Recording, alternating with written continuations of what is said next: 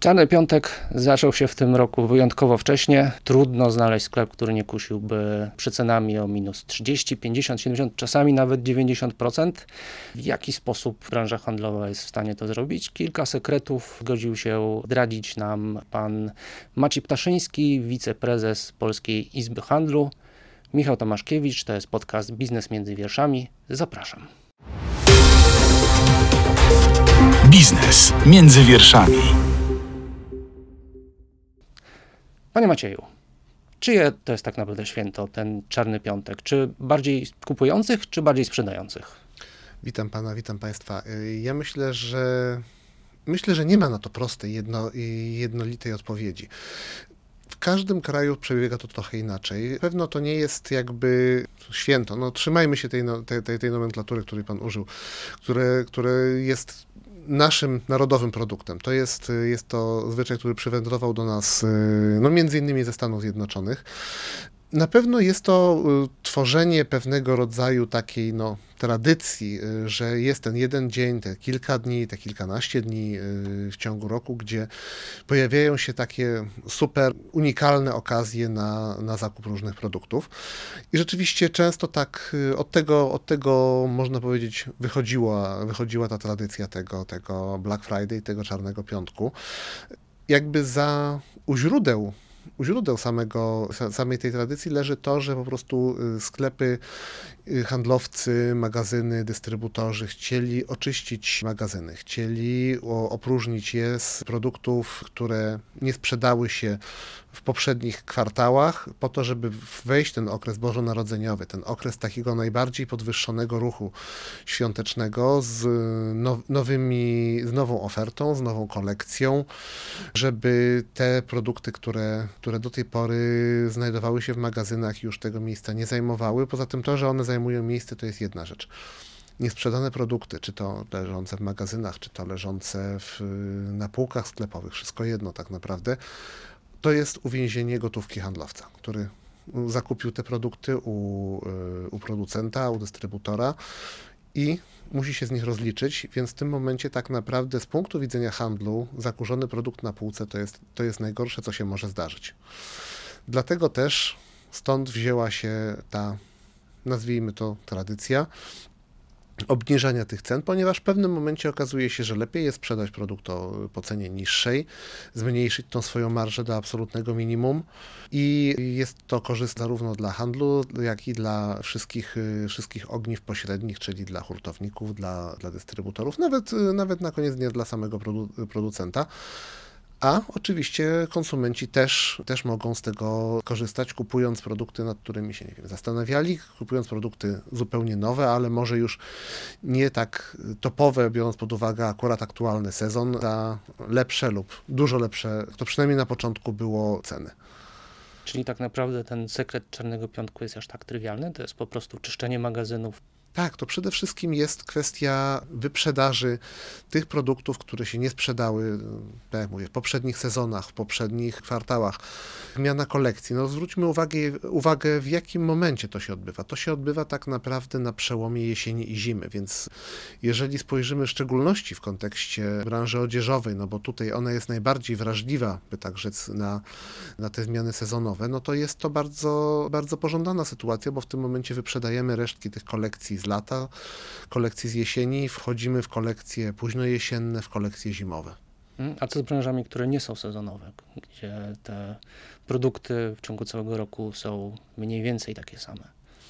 Ja myślę, że to to tak naprawdę również może, może nie ma takiego, takiej presji sezonowej, no bo, no bo siłą rzeczy jej nie ma, no bo jeżeli, jeżeli rozmawiamy, dajmy na to o elektronice, no, no to w tym momencie ta odporność na, na zmianę pory roku, na zmianę sezonu jest daleko, daleko większa. W tym momencie jakby nie, nie ma to aż takiego znaczenia. Równie dobrze ten czarny piątek mógłby być, nie wiem, we wrześniu, mógłby być, nie wiem, w styczniu. Natomiast też ma o, o tyle zastosowanie, by tak rzec, że za chwilę wchodzimy w okres bożonarodzeniowy, więc okres, kiedy myślimy o kupowaniu prezentów, czy to naszym bliskim, czy nawet czasami sobie i chcielibyśmy zobaczyć albo lepsze ceny na te, na te y, produkty, albo już wkrótce będziemy, będziemy myśleli o tym, żeby może kupić coś nowego, no bo jeżeli chcemy, chcemy kogoś zaskoczyć, zrobić mu prezent, to chcemy również, żeby to były nowsze modele tego, tego, co chcemy kupować, już nie wchodząc jakby w szczegóły. A jeżeli nie nowsze modele, to przynajmniej, żeby nabyć to, co, to, to na co patrzyliśmy przez te parę miesięcy, czy to w katalogach, czy, w, czy na stronach internetowych, czy, czy odwiedzając sklepy, tylko za po prostu lepsze ceny, które, no wiadomo, cena jest zawsze, zawsze tym czynnikiem, może nie, nie zawsze, nie w 100% rozstrzygającym, ale na pewno, na pewno bardzo ważnym i to nie tylko, nie tylko w kategoriach produktów y, codziennego użytku, produktów żywnościowych, ale również y, tych produktów, które kupujemy, kupujemy okazyjnie. No i tak naprawdę w tym momencie mamy do czynienia z tym, że to się rozrosło na inne branże, na branże, które, które niekoniecznie są tak wrażliwe y, na zmiany sezonów. Również w tej chwili coraz częściej na to, co kupujemy, nie tylko w sklepach stacjonarnych, na to, co kupujemy również w internecie. Mm, Branża elektroniczna zrobiła sobie własne święto, czyli Cyber Monday, który przypada od razu po Czarnym Piątku. Czy to też im się opłaca?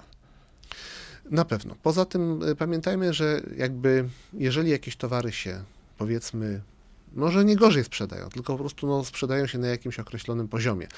Jeżeli też tworzą się pewne y, zasoby magazynowe tych towarów, ich przechowywanie też kosztuje. To nie jest tak, że tutaj rozstrzygającym czynnikiem jest ta sezonowość. Ona jest ważna, jak wspomniałem, bo w szczególności sezonowość się nam sprawdza przy przykładowo produktach odzieżowych, natomiast nie tylko. Natomiast każda branża chce, żeby był ruch, żeby te towary nie zalegały w magazynie, żeby był ten cash flow, żeby był ten obrót kapitału, który jest, który jest bardzo ważny i w tym momencie tak naprawdę, jeżeli jest okazja, żeby nawet z, po zmniejszeniu tej, tej, tej marży zwiększyć obrót, jest to jak najbardziej, jak najbardziej pożądane, żeby te towary też, które, w szczególności te, które, które sprzedają się wolniej, gdzie ten cykl, cykl życia tego produktu, na, nazwijmy to tak, na tej półce sklepowej jest wydłużony, żeby to skrócić, bo jeżeli mówimy tutaj o branży no, i, i o- sprzedawcach, no bo jakie są korzyści z punktu widzenia konsumenta, no to wiadomo, to jest cena. Natomiast z punktu widzenia sprzedawcy jak najbardziej jest pożądane, żeby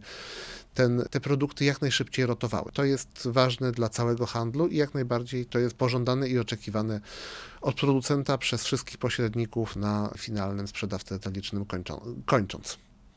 Jakiego Czarnego Piątku możemy się spodziewać w tym roku, w czasach bardzo wysokiej inflacji? Czy te ceny będzie łatwiej obniżać, czy może trudniej przez to, że rosną?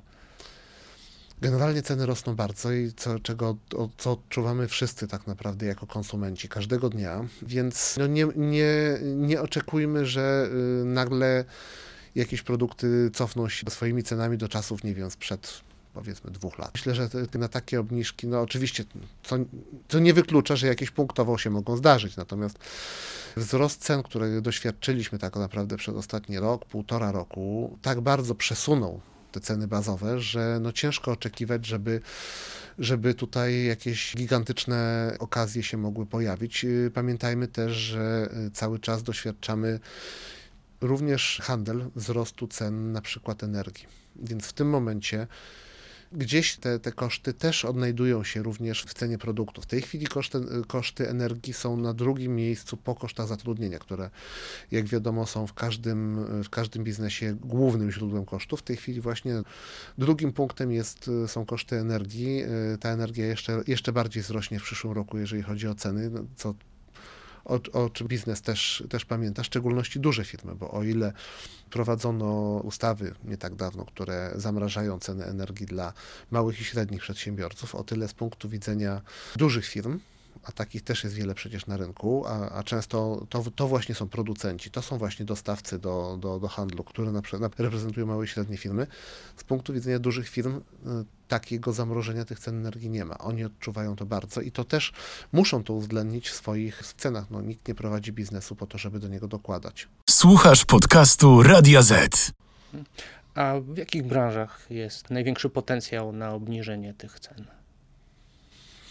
Wie pan, ja myślę, że na pewno tutaj jakby wracając do tego, od czego wychodziliśmy, to, to jest kwestia chyba branży odzieżowej, no bo tutaj jednak nakłada się nam, oprócz te, tego, tej kwestii wyrotowania tego, e, tych produktów z magazynów, nakładają nam się kwestie właśnie związane z sezonowością.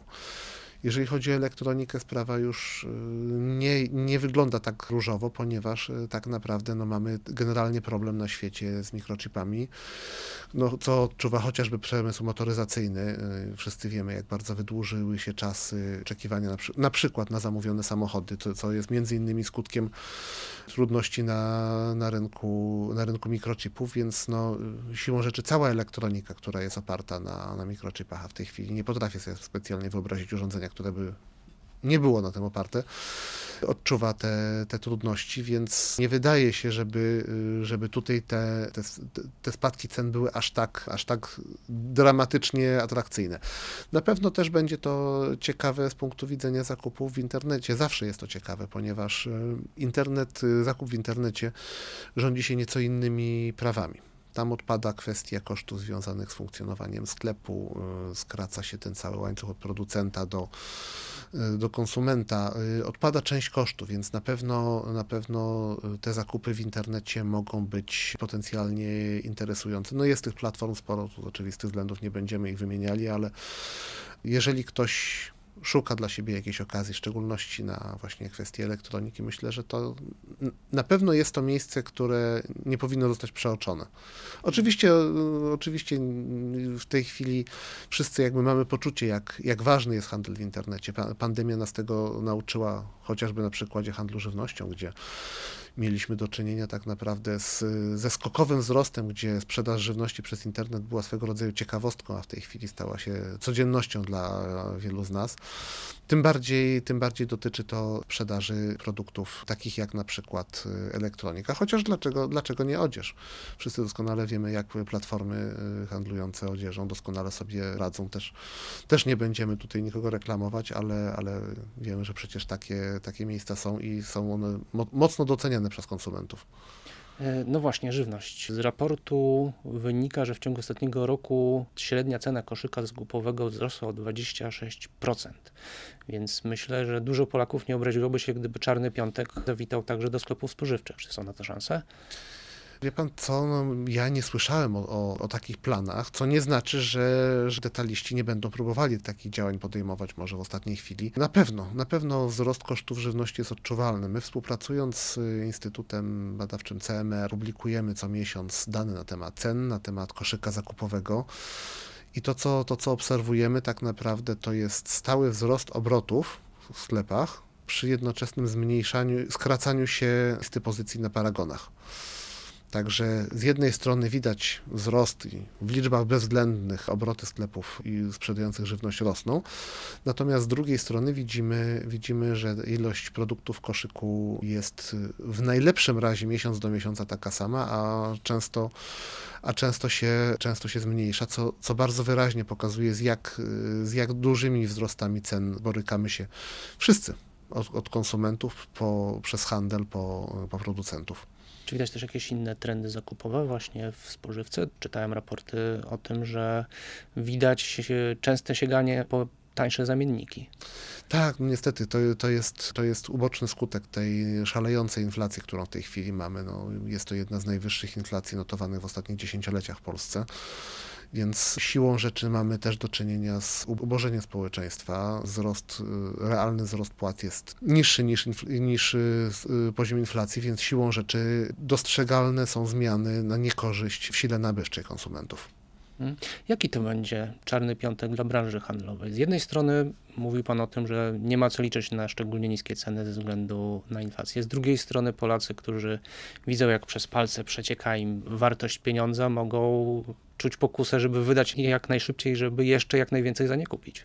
Tak, to jest jakby też element tego, tej, tej spirali inflacyjnej, bo w tym momencie, jeżeli konsument widzi, że jego pieniądze tracą wartość, no to w tym momencie woli często właśnie wymienić pieniądze na dobra, na produkty, które no może y, też wieczne nie będą, natomiast w jakiś sposób pozwolą mu te pieniądze wydać lepiej teraz, niż w prognozowany sposób za kilka miesięcy, no bo jeżeli w tyle głowy mamy, nie wiem, tam wzrost cen energii, albo w przyszłym, w przyszłym pierwszym kwartale przyszłego roku, bodajże tu jak szedłem do Państwa, to czytałem o, o około 39%, bo takie są prognozy, no to w tym momencie wiadomo, że jeżeli coś kupimy teraz, to a będziemy myśleli o kupieniu te, tego samego produktu powiedzmy w styczniu czy w lutym, no to na pewno, na pewno bardziej nam się opłaci kupić to w chwili obecnej, bo albo kupimy go więcej, jeżeli to ma, ma przelicznik ilościowy ten produkt, albo kupimy go po prostu za lepszą cenę niż y, kupilibyśmy pod koniec pierwszego kwartału przyszłego roku.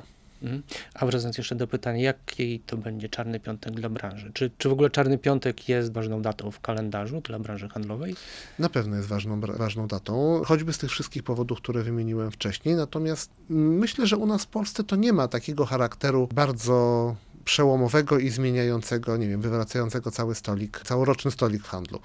Y, Jeżeli już rozmawiamy o tym, co jest ważne dla handlu, y, ważniejszy jest nadchodzący miesiąc. Z punktu widzenia handlu y, ważniejszym miesiącem jest grudzień ze świętami, ponieważ w tym momencie mamy właśnie zakup prezentów, a z punktu widzenia jakby mojej bazowej branży, czyli handlu spożywczego, zakup produkt, produktów na święta i tak naprawdę z punktu widzenia handlu czasami grudzień jest określany wręcz 13, 12 i 13 miesiącem, y, jeżeli chodzi o obroty, które, które rosną. Oczywiście podejrzewam, że w tym roku one tak bardzo nie wzrosną, jeżeli chodzi o sprzedaż, no bo tak jak mówię, mamy, mamy do czynienia z bezprecedensowym w ostatnich latach wzrostem cen. Z drugiej strony też kwestiami ubożenia y, społeczeństwa, więc y, jaki tak naprawdę będzie ten grudzień, to jeżeli, jeżeli się spotkamy w połowie stycznia, będę mógł powiedzieć, czy tak naprawdę coś, coś się zmieniło bardzo na korzyść, czy na, na pewno zawsze grudzień jest dla branży handlowej mies- miesiącem krytycznym i bez wątpienia najważniejszym. Myślę, że ważniejszym niż wydarzenia handlowe najbliższego weekendu. Jeśli mógłby Pan pokusić się o prognozę, jak bardzo wzrosną ceny produktów spożywczych na święta? I czy wzrosną w ogóle oczywiście? Że wzrosną to na pewno. No, w tej chwili mamy inflację rzędu, o ile się nie mylę, około 18%. Także ten, ten wzrost będzie, no myślę, że on będzie liniowy, tak jak obserwowaliśmy to w tym roku. Mamy jeszcze cały czas tą tarczę antyinflacyjną do końca tego roku, która też odrobinę pomaga, natomiast nie, nie przeceniajmy tego, bo jakby ten efekt tarczy inflacyjnej y, wprowadzonej bodaj od 1 lutego został skonsumowany jeszcze w lutym przez wzrost cen, więc nie, nie wiem do końca, jak to będzie wyglądało w przyszłym roku, bo wiem, że na VAT pewno 0% ma zostać na na, produkty żywność, spożywcze. na, na tak. produkty spożywcze, na żywność, natomiast zmieni się bodajże choćby na paliwo, no więc siłą... Paliwa, energia elektryczna, nośniki energii w ogóle. No, i, Wrócą, tyl, wrócą do pierwotnej I stawki. tylko i aż. No bo tak jak powiedziałem, jeżeli wzrosną ceny paliwa, jeżeli wzrosną ceny en- energii elektrycznej, to w tym momencie to się przełoży na żywność. Nawet mimo, że ten VAT zerowy nominalnie na żywność pozostanie, to, to nastąpi skok cen związany właśnie ze wzrostem VAT-u na y, energię elektryczną i na paliwa. No przecież te wszystkie lodówki trzeba zasilić prądem. Y, Produkty trzeba dowieźć do sklepów samochodami, które w większości jeszcze są na benzynę. No więc siłą rzeczy na pewno będziemy mieli większy skok cenowy od nowego roku. Tak jak powiedziałem, myślę, że wzrost cen, jeżeli chodzi o y, czy to produkty spożywcze, czy to produkty przemysłowe, do końca bieżącego roku, to oczywiście mówię raczej na podstawie obserwacji, niż to nie, nie należy tego traktować jako jakieś tam bardzo wiążące analizy, będzie miał charakter liniowy. Natomiast y, od nowego roku, no to podejrzewam, że ten wzrost może być no, bez mała geometryczny w stosunku do chwili obecnej. Czyli skokowe. Innymi Skokowo, słowy, tak. radzi Pan, żeby robić zakupy w tym roku, jeżeli się da. Y, Ja myślę, że to każdy musi, każdy musi ocenić po prostu, co może sobie, y, co może sobie pozwolić kupić w roku bieżącym, co może kupić w roku przyszłym. No, jeżeli są to produkty przemysłowe, nie spożywcze, na pewno jest to pewnie łatwiej kupić, no bo zastanówmy się, ile kostek masła jesteśmy w stanie kupić na zapas, jaka jest Albo pojemność naszych cukru, lodów, albo, cukru. oleju, albo ryżu. To, to, Już pan, mieliśmy to, takie fale, prawda? Tak, ale to jeszcze, to jeszcze pół biedy, no bo cukier, olej czy ryż to jeszcze nie potrzebują chłodzenia, a no, że tak powiem, każda lodówka ma jakąś określoną y, pojemność, więc no ile tych kostek masła jesteśmy w stanie do tej lodówki zmieścić, więc...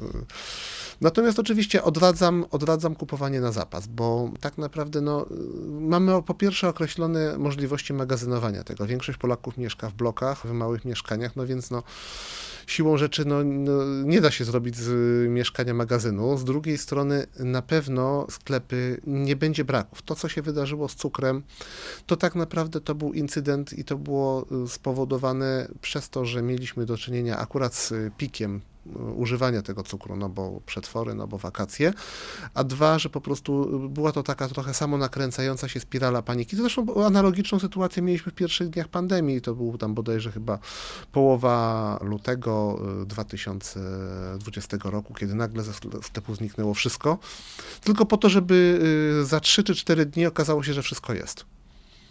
Ludzie się bali, to jest całkowicie zrozumiałe. Stanęliśmy pierwszy raz w historii naszego pokolenia i jeszcze podejrzewam pokolenia wcześniej wobec sytuacji, gdzie y, nie, nie, rozumieliśmy tak naprawdę, co się dzieje, nie wiedzieliśmy, co się dzieje, więc jakby reakcja była uzasadniona, natomiast no, w tej chwili chyba wszyscy sobie zdają sprawę, że w pełni, że, że, że, że w pełni y, handel stanął na wysokości zadania poradził sobie z tym i, yy, i, i, nic się tak naprawdę nie wydarzyło, bo za kilka dni całe, całe za, za, zaopatrzenie wróciło. No, po prostu w sklepach nie da się przechowywać więcej towarów niż tak naprawdę jest na półce, plus jeszcze odrobina na zapleczu. No więc jak ktoś nagle przyjdzie i zgarnie wszystko z półki, no to siłą rzeczy te półki będą puste, ale to nie dlatego, że, że, że tych towarów nie ma, tylko dlatego, że po prostu jeszcze następna dostawa nie dojechała.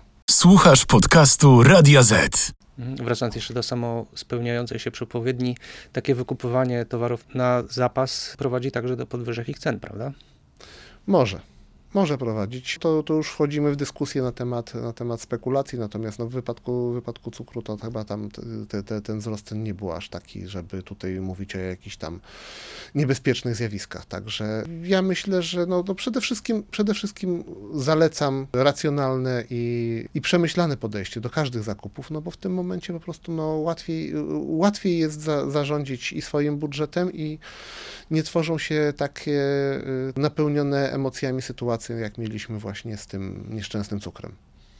Bitew o cukier chyba nie było tak, jak kiedyś były bitwy o karpia, ale może nie o wszystkim wiemy. No nie, nie słyszałem, żeby tam były jakieś, jakieś yy, problematyczne sytuacje. Mhm. Wracając jeszcze do Czarnego Piątku, czy to jest dzień, w którym dla sprzedawców wszystkie chwyty są dozwolone?